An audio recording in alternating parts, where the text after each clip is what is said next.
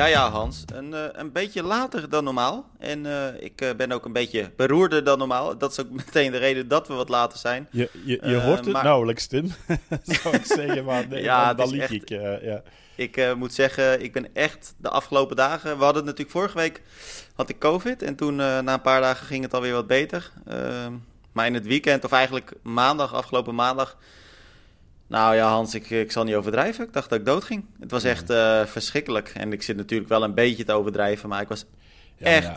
hondsberoerd. Je bent een vent, Tim. Wij hebben dat. Dat, dat zit in ons wij, DNA. Als wij, wij, ziek zijn, zijn we heel zielig en gaan we dood. Wij, mogen dat ook, hè? Ja, ja, voilà. maar uh, dus, dus net als vorige week, eventjes weer uh, alvast excuus. Uh, waarschijnlijk klinkt het voor geen meter en ik uh, sluit het ook niet uit. Of sterker nog, ik weet bijna zeker dat ik een paar keer uh, flinke hoestaanval zou krijgen. Maar dat is dan even niet anders. Want Hans, we zijn het met elkaar eens. Deze week moet er natuurlijk sowieso een podcast. We hebben elke week een podcast, maar deze week mag hij zeker niet ontbreken. Want, nou ja, morgen, zaterdag, uh, dan is het natuurlijk zover. Hè? Het WK Ironman op Kona. Sorry, daar was de eerste dus al. Um, vijf voor half zeven s'avonds start de wedstrijd. Vrouwenwedstrijd. Dus uh, sowieso al meteen uniek. Ja, Hans, het... Uh, het, het, is zover, wat ik al zei. Het gaat beginnen. Ja, ja toch, toch, toch al, eh, alvast een uh, paar mensen die er naar uitkijken, zou ik, uh, zou ik zeggen. Het, het is... Nou, ik heb er best een beetje zin in. Jij ja, ik heb er ook wel ik heb er zin in, dat wel. Um, maar maar het, het, het is een vreemde voor mij helemaal, omdat ik uh, al die jaren erbij ben geweest daar. Um, ik had uh, donderdagavond de live-voorstelling van uh, de Hel van Kasterlee met de voorstelling van het nieuwe parcours. Seppe Odijn was daar ook. En, en waren we er nog over bezig van ja, dit is zo'n hele vreemde periode. Omdat normaal gezien zat ik nu gewoon in zonnige Kona. Uh, nu zit ik in zonnige België. Um, dus dat, dat valt nog een beetje mee uiteindelijk. Uh, maar, maar het is een vreemde gewaarwording van dit op afstand mee te maken. En ik merk toch ook wel, de beleving is wat, uh, wat anders. Um, ik, ik zag het ook deze week aan, aan ja, alles wat erbij hoort. Hè. Bijvoorbeeld de, de Nations Parade. Ja, dat zag er nog wel leuk uit. Stond veel volk langs de kant, zag ik op de foto's. maar dan zie je toch veel kleinere groepjes. Eh, deelnemers uh, verschijnen achter de vlaggen. En dan dacht ik van ja, waar wij de voorgaande jaren met Team Belgium echt de, de, de halve straat zeg maar uh, vulden, dan was het nu een klein groepje van een man of 20, 25. ja, we hebben nog 25 atletes aan de start. 24, want Katrien de Canière is niet, ehm, niet kunnen afreizen door blessure.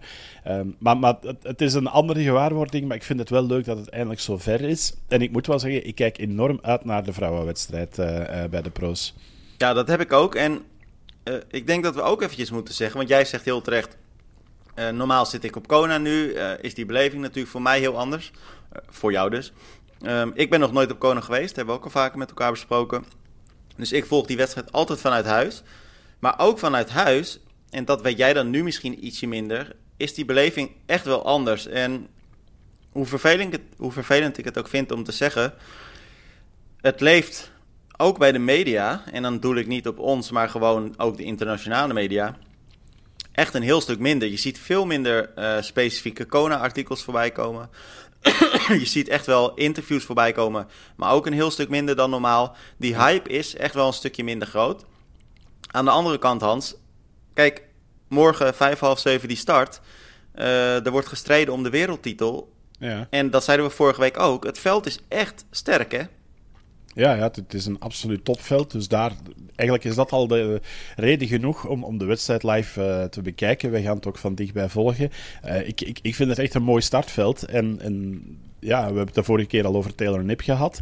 Um, nog met een paar mensen besproken van ja, wat zijn haar kansen in dit veld en op de, de volledige afstand. Um, dus daar is wel veel volk mee bezig. Maar ook als je de rest van, van het veld bekijkt, um, ja, dat ziet er super mooi uit. Dus het kan echt een, een bijzonder mooie wedstrijd uh, worden. En ik ben zeer benieuwd ook naar de, de race tactics van, uh, van iedereen. Hoe gaan ze racen? Wetende dat er een Taylor Nip uh, bij zit. Maar ook wetende dat bijvoorbeeld Lucy Charles niet de enige topzwemster is en, en dat er nog een paar snelle volgen. Lotte Willems, hè, natuurlijk, onder andere vanuit Nederland. Ja, ja, inderdaad. Dat maakt het voor jullie nog wel extra speciaal. Eh, want wij, wij, bekijken de laatste jaren de, de, de vrouwenrace altijd uh, met, met iets meer focus op de, de internationale toppers door het ontbreken van Belgische pro's. Um, maar jullie hebben nu natuurlijk uh, de, de weelde van, van twee Nederlandse dames aan de start te hebben. Ja, en wat wel erg zuur is, um, want ik heb Els, want Els is natuurlijk de, de tweede prof dan. We hebben Lotte Wilms en Els Visser. Uh, Els Visser heb ik uh, afgelopen weekend uitgebreid geïnterviewd. Dat interview staat ook online. Een dag later had ik een afspraak met. Het was een Lotte... tof gesprek overigens. Ja, leuk hè? Was een leuk, leuk interview, ja. Nou, dankjewel. dat vond ik ook. En Els was ook openhartig. Wat ik, wat ik mooi vond, is dat ze ook eerlijk toegaf dat ze eerder dit seizoen bij Victoria Gasteiz. Um, eigenlijk verloor van zichzelf. Hè, want ze lag daar lang aan de leiding. Werd uiteindelijk derde eh, op best wel grote achterstand ook. Maar toen zei ze ook: Ja, ik heb daar eigenlijk vooral geleerd dat ik niet de handdoek in de ring moet gooien. En um, ook als het even minder gaat, dat je, dat je toch doorgaat. In plaats van dat je zegt van het gaat niet. En dat je toegeeft aan de mhm. stemmetjes in je hoofd. Um, maar goed, kijk, Els is natuurlijk. Uh, uh, dat zegt ze van zichzelf ook. Echt geen, geen, geen podiumkandidaat zo, uh, zondag of zaterdag. Um, maar ze zou blij zijn met een uh, top 10. Sterker nog, ze zou dan over de moon zijn. Nou, dat snap ik. Als zij top 10 finisht, zou echt geweldig zijn. Ik sluit het ook echt niet uit. Uh, maar van Els weten we natuurlijk dat zij op, op grote achterstand uit het water zal komen. Ze is een relatief tussen haakjes slechte zwemmer.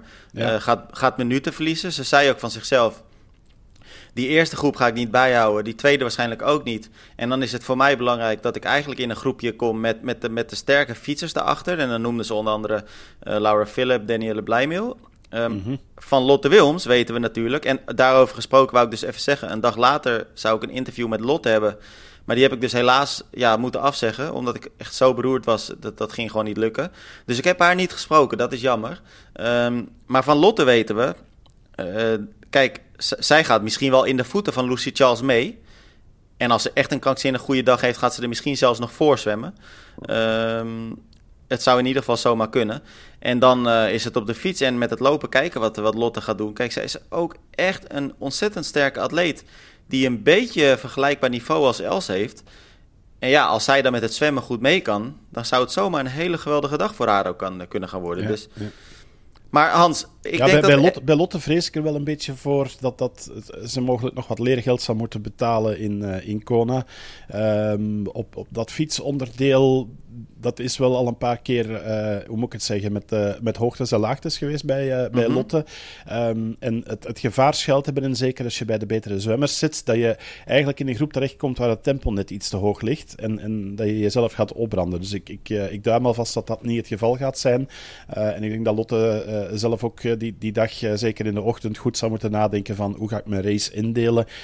want dat kan wel eens een bepalende factor gaan, gaan worden. Want ja, we zien het elk jaar. De wedstrijd begint eigenlijk pas na het keerpunt in Hawi.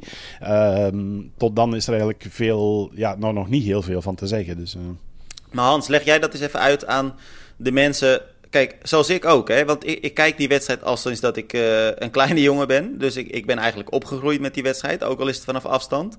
Dan ken je natuurlijk de verhalen van de atleten, van uh, zowel de profatleten als de aidsgroepers, over de omstandigheden op Kona. Het is heet, de luchtvochtigheid is hoog, uh, er staat veel wind, het is een open parcours. Maar jij bent er een paar keer geweest. Hoe is het nou echt? Is het, is het echt inderdaad, nou ja, ongenadig zwaar daar? Nou, ik, ik zou niet zeggen ongenadig zwaar. Het, het, hangt vaak wel van de omstandigheden af. En daar doen ze elk jaar ook altijd heel bijzonder over. Um, maar, maar, op racedag valt het vaak nog wel wat mee. Um, want de dagen na de wedstrijd, ja, dan spreken ze altijd over uh, uh, hoe de wind uh, zit. Je hebt namelijk twee um, grote windstromen in, in Hawaii. die zijn vooral onder de surfers ook, ook bekend. Want dan weten ze of er golven staan of niet. Nu, golven zijn er eigenlijk uh, nauwelijks of nooit, want ja, je zit daar in de baai bij, uh, bij Kona. en dan ja. op dat, dat fietsparcours, ja, het, het is, um, het is warm. je rijdt daar midden tussen de lavavelden.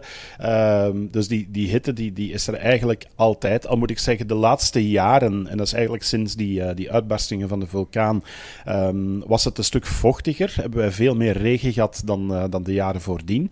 we hebben zelfs één jaar gehad waarin ik in de periode dat ik in, in Kona was, denk ik meer regen gehad heb dan bij alle edities bij elkaar.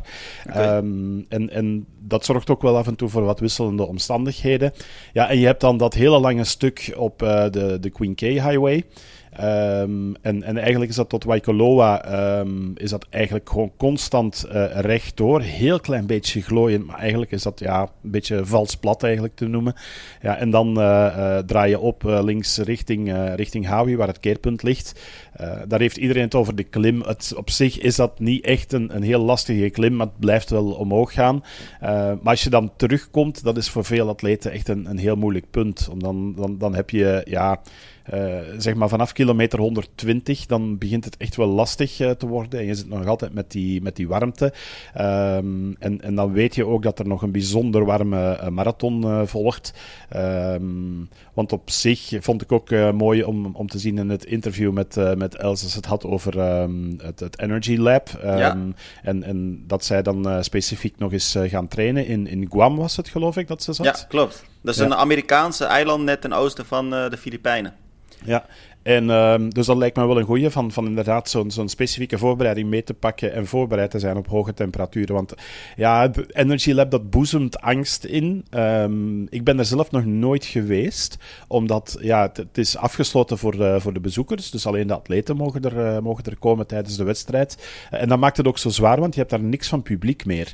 Um, mm -hmm. Dus je, je leeft daar op een golf van, van een, een, mix tussen enthousiasme en compassie van de vrijwilligers die daar nog, uh, nog zijn. Maar voor de rest is het eigenlijk een, een, een ja, stukje waar je eigenlijk niemand tegenkomt behalve jezelf.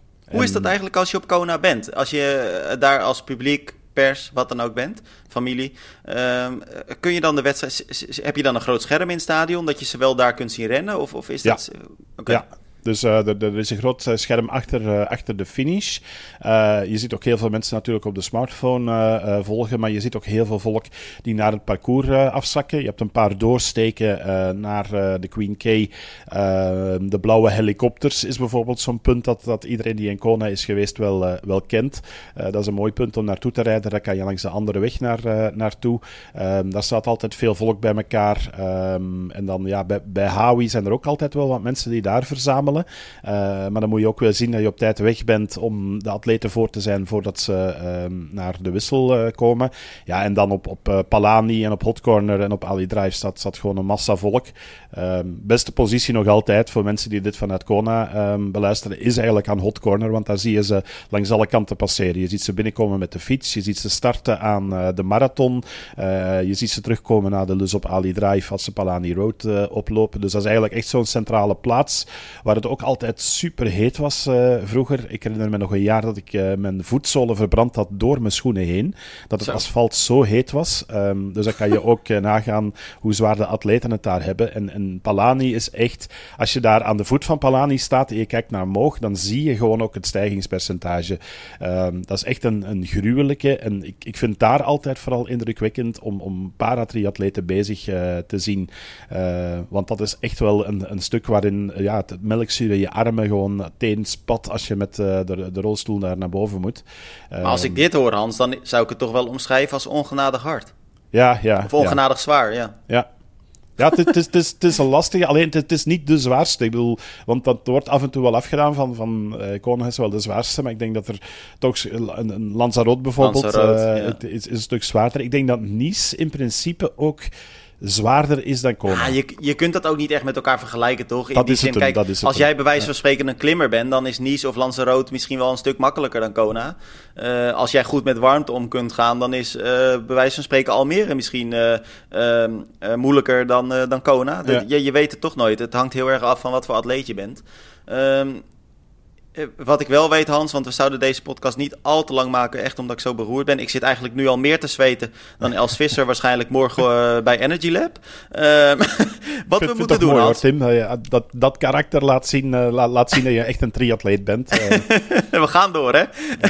maar Hans, het grote moment natuurlijk. Ehm, we gaan in onze glazen bol kijken. Want bij het WK hoort natuurlijk de voorspelling wie gaat het worden. Hè? Ja. Uh, wat zullen we doen? Gaan we, gaan we een top 5 maken? Een top 3? Wat wil je? Ik ben voor een top 5, maar... Um, goh, laten ja, ik had gerekend op top 3 eigenlijk. Dat kunnen we, ook, kunnen we ook doen. Kunnen we ook doen. Zal ik hem aftrappen dan? Ja, doe maar. Doe maar. Even kijken.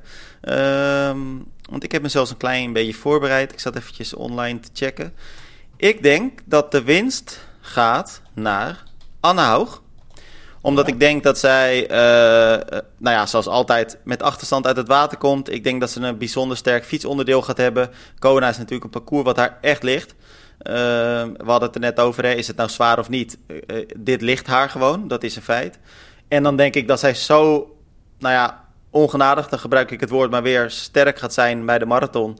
En die marathon is dan natuurlijk zo lang dat je echt wel hele grote verschillen kunt maken. Dus ik denk dat zij de winst gaat pakken.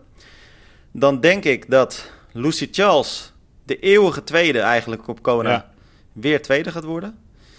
En dan denk ik dat Cat Matthews eigenlijk een soort van hele sterke comeback gaat maken. Het is niet echt meer een comeback, want ze is natuurlijk alweer terug. Maar toch een beetje. Dan denk ik dat die uh, naar huis gaat met het brons. Ja. Uh, en dan, nou ja, de, de, voor ik er even op inga, dan uh, ben ik eerst benieuwd naar jouw top 3. Ja, alright. Um, ja, ik, ik zet Laura Philippe op 1. Um, ik ben dat eigenlijk al jaren aan het roepen en het wordt echt tijd voor haar nu. Zou ik heel tof um, vinden. Het, het, is zo de, eh, de status van eeuwige belofte. Um, voor, uh, voor Kona mag ze gaan invullen. Ze heeft al een paar keer pech gehad en, en door COVID onder andere er niet bij geweest, door blessures. dus dus het, het, zou, van mij mag het een keer het jaar van Laura Philippe uh, worden. Ik blijf in haar geloven. ik zet Taylor Nip op 2 ik, ik, ik denk dat die, ja, die zit echt in een, uh, in een flow. Um, en nog net niet goed genoeg, denk ik, om, om echt voor, um, voor de winst uh, te gaan. En um, ja, dan, dan verwacht ik Daniela Rief op drie. Oké, okay. ja, want dat wilde ik inderdaad, daar wilde ik eventjes op ingaan bij mij. dat ik dus Rief niet in de top 3 heb en ook Taylor Nip niet. Dus het is grappig dat jij ze er allebei wel in zet. En Laura Philip had ik dan voor mezelf op 5 gezet. Ja.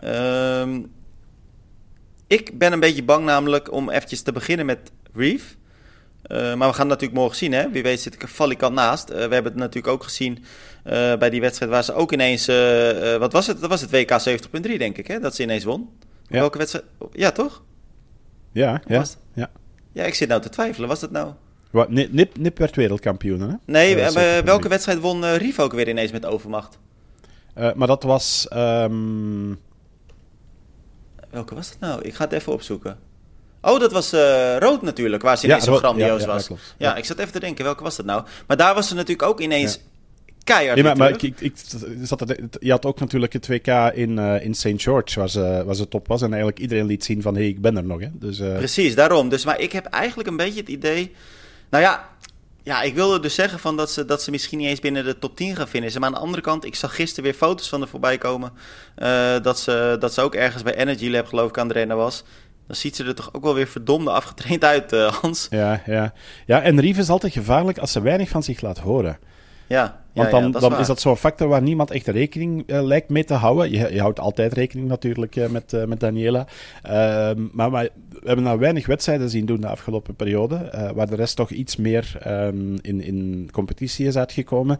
En dan is het altijd een beetje raden naar hoe is het met de vorm van, van Daniela Rief. En vaak is hij dan wel goed als ze zich wat minder heeft laten zien. Um, dus daarom bij mij zeker podiumkandidaat. En, en ja, wie weet wel in de mix voor, voor één of twee. Alleen ik, ik, denk dat de, de, de, tijd door is dat zij van achteren um, zo hard naar voren uh, ramde en dan nog uh, zeer super kon lopen. Um, en als je nu kijkt naar zo'n Laura Philippe en zeker ook naar Taylor Nip, wat, wat die eigenlijk over de drie onderdelen kunnen, kunnen neerzetten. Nu Laura Philippe in zwemmen iets minder. Um, maar, maar in het fietsen en het lopen ook zeer sterk. Taylor Nip eigenlijk in alle drie sterk. En die kan ook nog eens super hard lopen na een, een snelle 180. Ja, laten we hopen, snelle 180 fietsen, want dat heeft ze nog mm -hmm. niet gedaan. Dus dat is de grote vraag die iedereen zich stelt uh, in, uh, in haar geval. Um, en ik had eigenlijk ook Cat Matthews in, in de mix zitten. Die, die zou, zou ik ook wel in mijn uh, top 5 zetten samen met Vanilla Langridge. Oké, ja, Vanilla Langridge zie ik ook wel weer veel voorbij komen. Ehm, wat mij eerlijk gezegd verbaast, is dat jij zowel Haug als Charles niet eens in de top 3 hebt. Nee, ik, ik, ik, uh, Lucy natuurlijk sterk gezwommen in uh, de, de zwemwedstrijd. Hè, de, de, uh, hoe noemt hij mm -hmm. weer? De, Awala, geloof de, ik. De, de, de Hoala, ja, de Hoala swim. maar goed, dat, dat zegt nooit iets, want niet iedereen gaat daar, of bijna niemand gaat daar voluit. Um, al ziet er dan bij Lucy Charles Barkley eigenlijk uit dat ze nooit voluit gaat in het zwemmen. Mm -hmm. um, maar maar ik, ik denk dat dat, de, ja er een nieuwe generatie staat die, die gewoon een, een stuk sneller loopt dan, uh, dan Lucy. Uh, en ik zou het haar gunnen, uh, maar ik denk dat het een, een moeilijke wordt voor, voor haar. Ehm, dus ja, en, en Anne Haug, ja, ja wie weet. Um, ik, ik denk dat ze misschien te veel genoemd is en dat ik daardoor zoiets heb van. Het zou eens uh, een keertje niet kunnen zijn voor, uh, voor Anne Haug. Al, al ja, wens ik het haar ook wel toe. Hetzelfde met Chelsea Sodaro. Die, die wordt ook heel weinig genoemd bij de favorieten. Uh, ja. Ook bij, bij de, de andere triathlonmedia merk je dat. Um, ja, wie nee, weet kan ze nog eens voor de verrassing zorgen. Maar ja, ik heb dat natuurlijk ook volgens mij tegen jou in deze podcast al een keer gezegd. Ik geloof niet dat Sodaro een atleet is die heel lang echt op dat allerhoogste niveau mee gaat komen. Maar goed, dat zei ik toen tegen jou. En een week later was ze geloof ik weer bij de PTO Asian Open ineens tweede of derde. Uh, dus toen was ze ook eigenlijk wel ineens weer heel sterk. Maar ja, ik zie die ook niet binnen de top 5 uh, finishen. Dus ja, Weet je, uit, uiteindelijk, Hans, weet je het toch nooit. Het is zo lastig nee, nee, voorspellen. Nee, inderdaad, inderdaad. Die dagen zijn zo lang. Een, een, een, een lastige... Um, want ja, je zit met supersterke namen. Hè? En, en, ja. en Rebecca Clark, die de laatste tijd in, in uh, goede doen is. Je zit met een Sarah True, uh, een Sky Munch, een Sarah Crowley. Bedoel, Lisa Norden, daar ja. blijf ik toch ook altijd wel wat in geloven. Dus eigenlijk, als je kijkt naar, naar het deelnemersveld... Ja, bedoel, het zou zomaar kunnen dat er een aantal dames die wij in top 5 zetten, dat die moeilijkheden gaan hebben om, om uh, top 10 uh, zelfs te halen. Ja. Um, en dan hoop ik ook wel, wel stiekem, of die in stiekem, uh, gewoon rechtuit, dat, dat daar ook minstens één Nederlandse mee zit in de mix voor, voor top 10. Um, want dat zou ook wel bijzonder knap zijn. En, en zeker in het geval van Els, ja, die, die, die ken ik nu iets beter meegemaakt in Almere. Um, dus dat is echt wel, wel top geweest. dus het zou mooi zijn als zij dat kan, kan bevestigen en, en uh, als je in één jaar en Almere kan winnen en top 10 in, Almere, in, in uh, Kona kan doen, ja, dat zou wel, wel gigantisch zijn. Uh. Ja, dat zou tof zijn. En ze zei ook in het interview, hè, dus als je het nog niet gelezen hebt, check het zeker eventjes. ik, ik ben sterker dan ooit eigenlijk, dus ze heeft veel vertrouwen uit Almere geput. Nou ja, dus dat is fijn. Wat me opviel, en dat vond ik leuk trouwens Hans, Ironman die heeft de top 5 van het mannen-WK, wat natuurlijk vorige maand in Nice was, hebben ze gevraagd een top 5 voor morgen samen te stellen. En wat me daarbij opviel, is dat ik geloof vier van de vijf mannen Rief gewoon op één zet. Dus die hebben heel erg veel geloof in Rief. Ja. Hm. ja. Verbaast me, maar ja, misschien hebben zij wat meer insight information. Hè? Dus dat, dat uh, de pros onder ja. elkaar, die, die komen elkaar wat meer tegen, die praten met elkaar. Dus uh, misschien, uh, um, want ik, ik zag ook wel dat er wel wat mannen aanwezig zijn in, in Konen. Ik denk dat er een paar ook persverplichtingen hebben. En je zit natuurlijk met wat triathlon-koppeltjes daar ook. Um, dus, dus misschien hebben ze daar ook Rief gespot en gaat dat onderling wat rond van wow, die ziet er sterk uit. Dus dat... dat ja, maar het, het, het, is ook vaak wel. Er wordt heel vaak teruggegrepen naar uh, titelverdedigers, naar winnaars uh, van vroeger. Um, al lijkt me dat in het geval van Chelsea Sodaro net iets minder. Ja, dat was de grote verrassing. Uh, en het is altijd moeilijk om te bevestigen in Kona. Dat hebben we de afgelopen jaren gezien. Ja. Dat gebeurt niet zo vaak. Of je moet natuurlijk een beetje buitenaard zijn, zoals een Daniela Rief. maar, maar voor de rest is het niet altijd gemakkelijk om, om die, die tweede zege daar te pakken.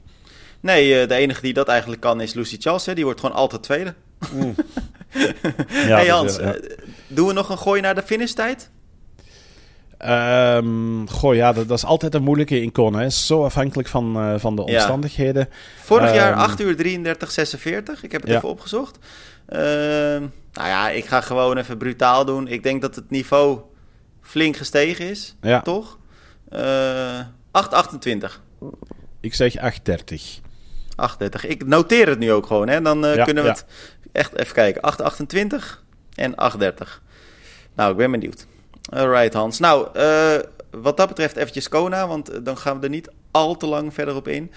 We hebben nog meer nieuws over Ironman, wat, dat moeten we natuurlijk echt bespreken, Hans. Um, want ze hebben gisteren een Ironman Pro-series aangekondigd. Ja. Ja, Hans, ik uh, moet zeggen, petje af. Ik vind het echt een uh, goede topontwikkeling, hoor. Ja, ik, ik viel van mijn stoel ehm, toen, ik het, uh, toen ik het zag. Um, ik kreeg het als eerste binnen via de, de geruchtenmachine die Slowtwitch uh, is. Um, dus toen had ik nog zoiets van eerst maar eens checken. Uh, maar dan zag ik het overal verschijnen en dan werd het wel duidelijk van ja, dit is, dit is echt. ja, een verrassende. Ik had hem niet zien aankomen. Ze moest ook wel, toch? Het, het is, het, het is voor de pros is het zeker goed nieuws. Bij ons moet ik wel zeggen dat er wat uh, nou ja, gemengde reacties eigenlijk bijna iedereen die het zelf had, die dacht, oh nee, ons inschrijvingsgeld gaat omhoog. dus ja, dat was een beetje wel de, de, de globale reactie. Uh, maar het is een goede, denk ik, dat, dat uh, Ironman in, in de pro's investeert.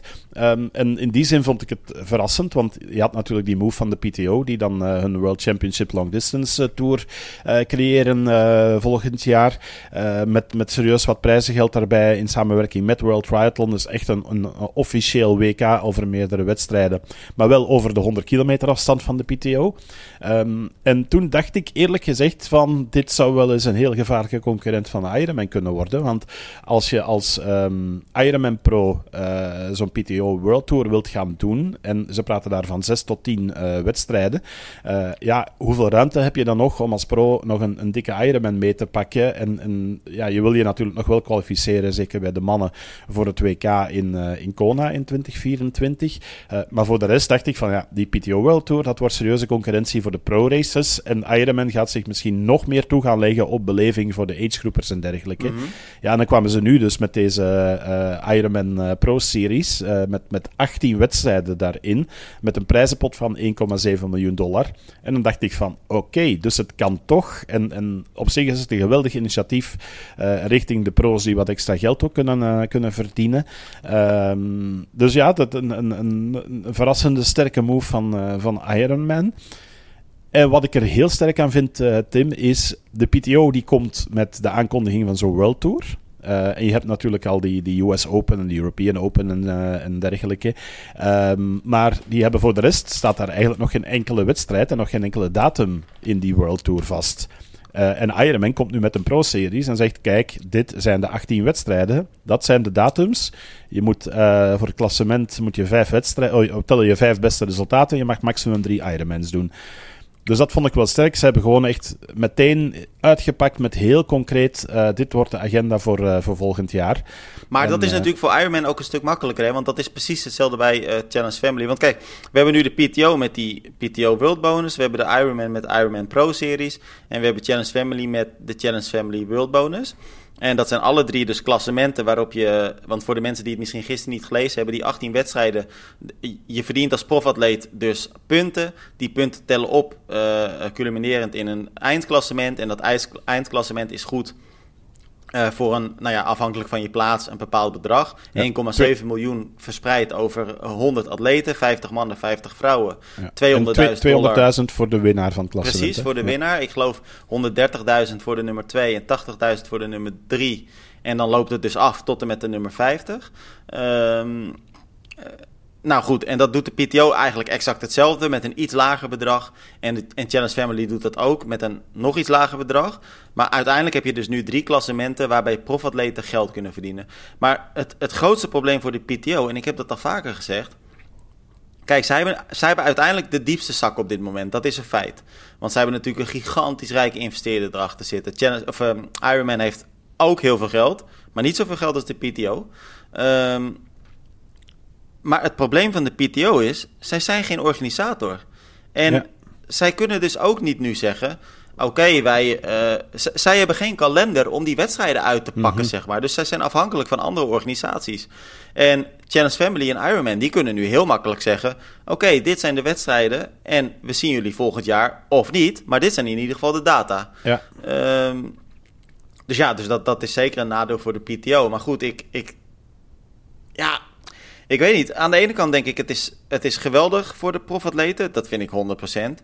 Maar ik zie dan ook atleten nu alweer klagen. Bijvoorbeeld uh, Frederik Funk, uh, die online zegt... ja, ik zie dit helemaal niet als concurrentie voor de PTO... want uh, dit is eigenlijk veel te veel gefocust op alleen maar de lange afstand. Um, ja, ja, ja. Ik, ik, weet niet. Ik vind het lastig, ja. Ja, ik, ik denk net dat het goed is dat Ironman er uh, ook volledige Ironmans tegenover stelt. Um, want dan praat ja. je echt inderdaad over de lange afstand. Uh, terwijl dat binnen de PTO hoegenaamd niet het geval is. En ja, je krijgt toch een, een verschillend soort atleet. Um, ik vind dan overigens verrassend dat dat Funk net komt met uh, de, de, de PTO-afstand, terwijl volgens mij is Funk beter op de langere afstanden. Um, zeker in het, uh, in het fietsen, ja. Dus... Uh, ik, ik, ik, denk dat Ironman hiermee echt een goede move doet. Um, ik, ik had het er uh, donderdag over met, uh, met Sepp. En die zei ook wel van ja, het wordt echt wel een, een lastige om, om uh, in te plannen. Omdat als pro wil je wel langere tijd op voorhand je kalender gaan maken. Um, en ja, dan is het toch wel goed om, om dan duidelijkheid te hebben van oké, okay, dit worden mijn wedstrijden. En stel dat je dan die Ironman Pro Series, dat je er daar vijf uitpikt. maar er komt ook nog eens een PTO tussendoor ja, dat, dat gaat nogal lastiger worden, denk ik. Dus ik denk dat voor veel pro's nog een beetje puzzelen zal, uh, zal worden. En ik ben ook benieuwd, is, wie gaat er voor de twee gaan? Of wordt het echt een bewuste keuze in de toekomst dat je zegt van, ik richt mij op de Ironman Pro Series of ik richt mij op PTO?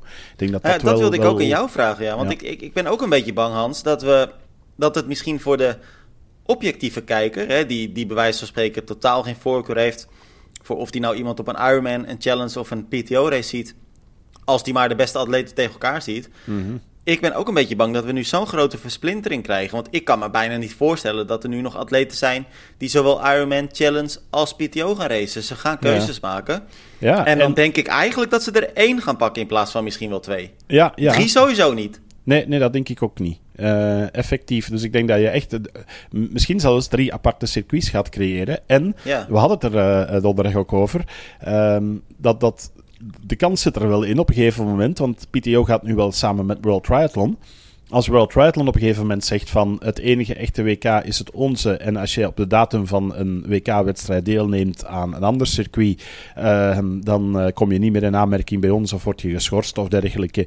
Ik, weet niet of het zo ver zou durven gaan, maar het zou wel eens die kant kunnen uitgaan van hè, waar, je dat nog hebt in, in andere sporten, uh, zoals in de darts bijvoorbeeld. Ja, dan mag je voor één liga uitkomen. Doe je dat voor de andere, dan word je weer geschorst in de ene. Dus dat, dat, dat zou ook wel eens in triathlon kunnen gebeuren. Laten we hopen van niet, want dan krijg je echt uh, ja, bokstoestanden, zeg maar, waarin dat je uh, ja, wereldkampioen kan worden in vijf federaties. Ja, wie, wie is dan nog de echte wereldkampioen? Hè? Dus ik, ik vind het wel een, een beetje een rare. Um, wat ik wel goed vind overigens, is dat Ironman wel vasthoudt aan zijn uh, eendagswedstrijden voor het WK. Dus het uh, WK 70.3 blijft gewoon Taupo en dan Kona en, uh, en Nice. Kona voor de mannen en Nice voor de vrouwen in 2024. Dus het is niet zo dat de winnaar van de, de Ironman Pro Series ook nog eens wereldkampioen is, in, in, uh, zoals dat dan bij de PTO dan wel is in, die World Tour. Ja, ik, ik daarover gesproken, want jij, jij hebt het over boksen nou. Ik zat vorige week ehm, het gevecht van Badr Hari te kijken, wat natuurlijk in Nederland best wel leefde. toen dacht ik eigenlijk bij mezelf Hans, volgens mij kunnen we gewoon beter verslag gaan doen van K1. Want echt, een wedstrijdje duurt zes minuten. Dan zijn ja. we klaar. Ja. Beter dan 8,5 uur lang. Ja, ja. ja, dan heb je ook wel een punt. Dus, uh, ja, ja ik, ik bedoel, we, we, hadden het er al over voordat we de podcast uh, starten vandaag. Van zeker in jouw toestand, uh, Tim. dat het een lange zit kan worden en hoe dat we het gaan aanpakken ehm, met, met onze verslaggeving op, op zaterdag. Ja, voor mij wordt het natuurlijk weer aanpassen, want ik was gewend van dan om vier uur, half vijf ochtends op te staan en eraan te beginnen ja. in Kona zelf. Um, dus dat moet ik gelukkig niet doen. langs de andere kant moet ik nu door ongeveer tot vier uur, half vijf ochtends. Uh, met, uh, met verslaggeving en de Belgen nog wat in de gaten houden. Um, en ja, ik moet ook nog wel een beetje mijn rust uh, pakken. Want ik heb zondag ook nog een stevige training erop staan. Ja. Ik ga mijn laatste week in richting Challenge Vieux-Bocaux. Um, dus ik, ik zou ook wel gebaat zijn nu mijn korte wedstrijd dan met een, een Ironman van 8,5 uur. dus, dus... Ja, en het is, het is, ook niet dat er morgen verder niks is. Hè? Want overdag is natuurlijk ook nog Challenge Mallorca. Ja. Nou, daar staat eigenlijk ook een Kona-waardig veld. maar goed, we gaan daar nu niet over hebben, want dan wordt het echt een te lange podcast nu. Uh, maar weet je, dus het, het, wordt inderdaad een druk weekend. Maar Hans, laten we, laten we vooral niet klagen. Want, nou ja, kijk, we zeiden net al, het wordt, het wordt echt weer een lange nacht.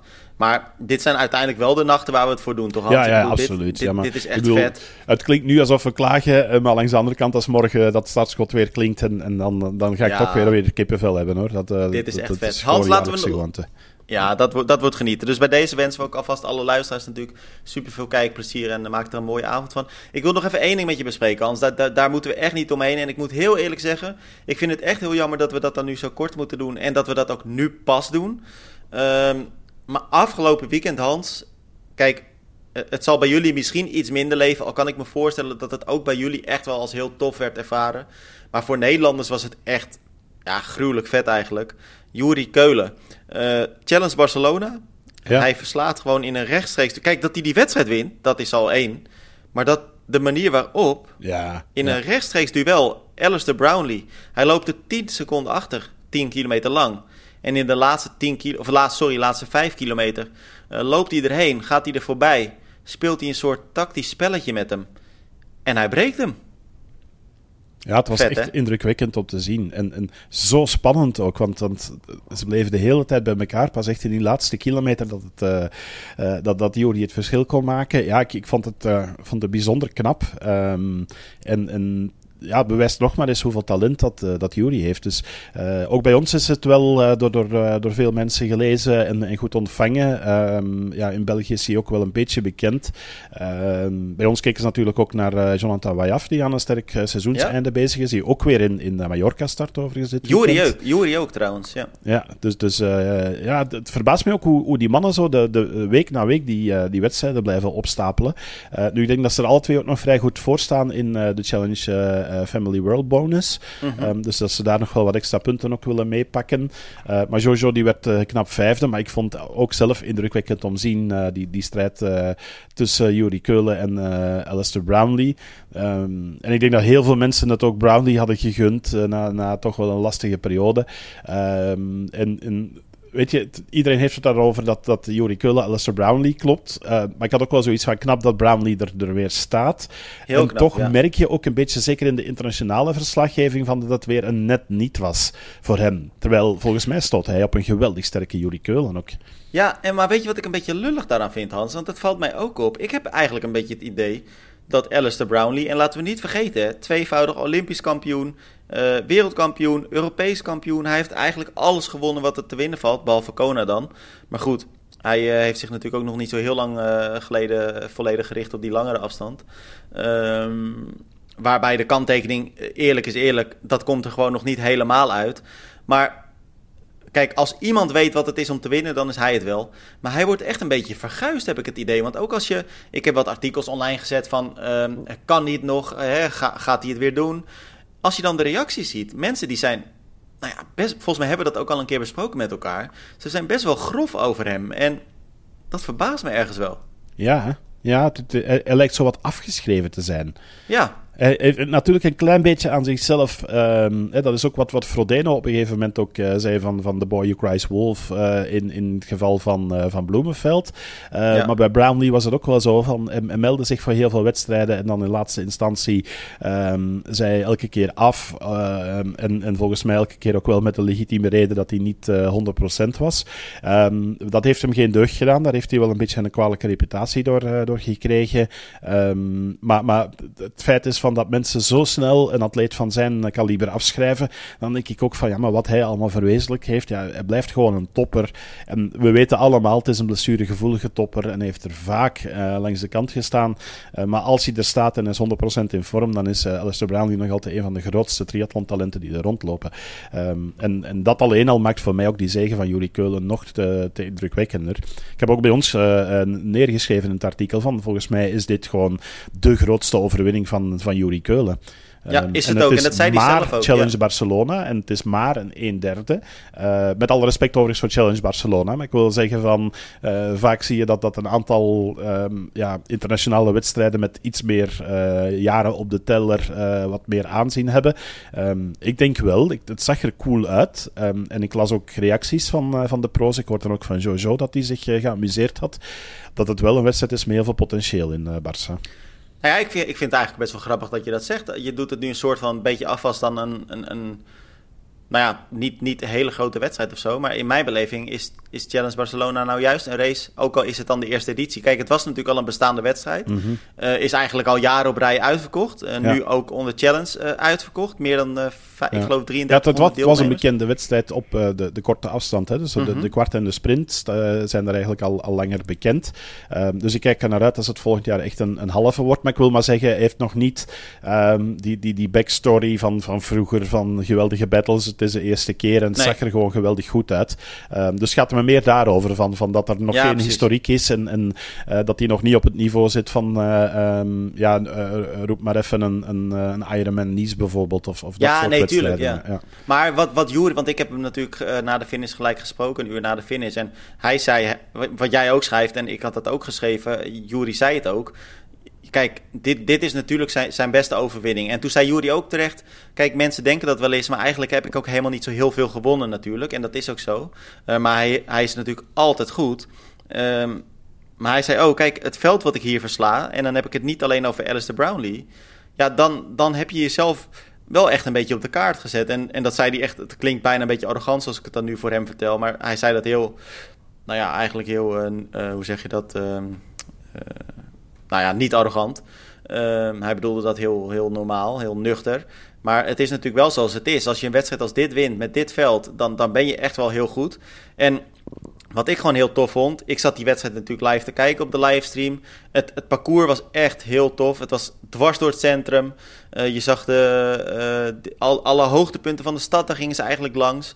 Ehm, ik, heb ook, ik heb ook vrienden, kennissen die niet zo heel veel met de triathlonsport hebben. Of, of eigenlijk gewoon helemaal niks, zoals heel veel mensen. En die vragen mij ook wel eens van, wat is er nou allemaal zo leuk aan? Hè? Waarom doe je dit nou al als werk? En wa- wat is er zo tof aan?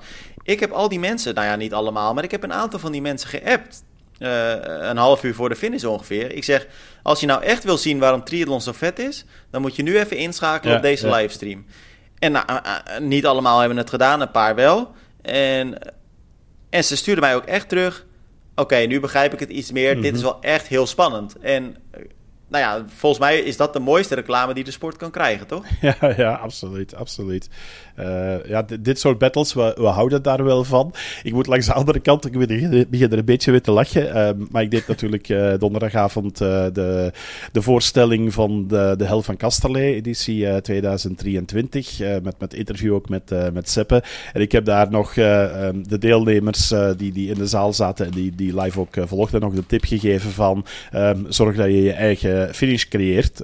Want de, de, de timingmat die ligt voor het binnenkomen van de sporthal. Ik zeg, het heeft geen zin meer om op die rode loper op het podium te spurten. Pak je tijd en dan kan ik je ook met heel veel plezier binnenhalen. Dus ik zeg, ook, ik zeg als speaker, ik zeg, als, als triathlon-fanaat vind ik het fantastisch, een sprintfinish. Maar als speaker eh, ja, is het minder leuk, eh, zeker bij de agegroepers, want je wil je tijd nemen om iedereen binnen te halen. Ehm, dus dus ik, ik hou absoluut van, van sprinten. En, zeker als het gaat over de eerste plaats en dan, dan extra spanning. Ehm, maar het hoeft niet altijd even hard sprinten te worden.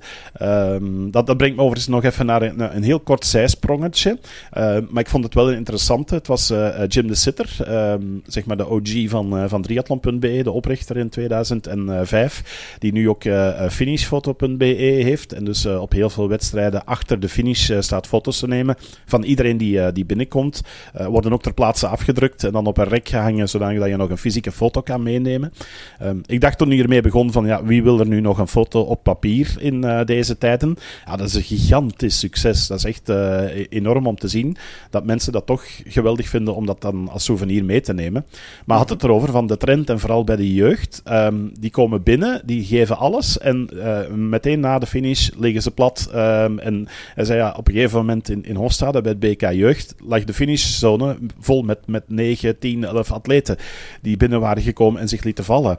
En dat creëert soms gevaarlijke omstandigheden als iemand een spurte is. En, Ja. en je verknalt ook een beetje de finish voor, eh, voor de zei, Want ik zit daar foto's te nemen en dat is dan gewoon de, de ene uitgeputte val na de andere. Dus een beetje de kwalijke trend. Ehm Seppe en Bobby hebben in de jogclub ook al een paar keer over gehad dat dat not done is. Eh, dus misschien moeten we daar wel eens een keer een, eh, een aflevering aan wijden aan dat geval. Maar, maar goed, dat, dat was even een, een zijsprongetje. Dus, Nou ja, ik snap, wel, ik snap het punt wel, want uiteindelijk... ja, wil je dat de doorstroom bij de finish altijd goed is, toch? Ja, ja voilà, voilà. En, en dat mm. maakt het ook wat veiliger en, uh, en dergelijke. Dus, uh, dus um, ik, ik had overigens nog eentje dat, dat ik uh, daarnet eigenlijk bij het Kona-verhaal wou vermelden, maar toen was ik hem even vergeten. Um, maar heb jij dat gigantisch wereldrecord op de marathon bekeken, Tim? Het is uh, echt krankzinnig. En kijk, voor uh, Nederland kreeg die dag natuurlijk sowieso een extra tintje. We hadden Sivan Hassan, die het Europees record verbrak en, ja, en ook de wedstrijd won. Ja echt niet normaal hard. En we hadden Jetse Plat, die natuurlijk derde werd bij de ja. para-race. Maar ja, niet, eens overigens de snelste marathon ter wereld. Hè? Dus dat, nee. dan begin je toch echt na te denken van wat kan er dan nog meer? Dat is echt, ja, uh... maar waar gaat het nog over, Hans? wat was het? Twee uur en 35 seconden, geloof ik? Ja, ja het is ja, gek. Het is, het is uh... echt, echt gekke werk. Uh, ja, het is echt gekke werk. Maar het, het, sprongetje wat ik naar Ironman wou, wou maken, is de nieuwe Nike-schoenen. Um, die natuurlijk uh, na die, die, ja, dat nieuwe wereldrecord in beeld kwamen.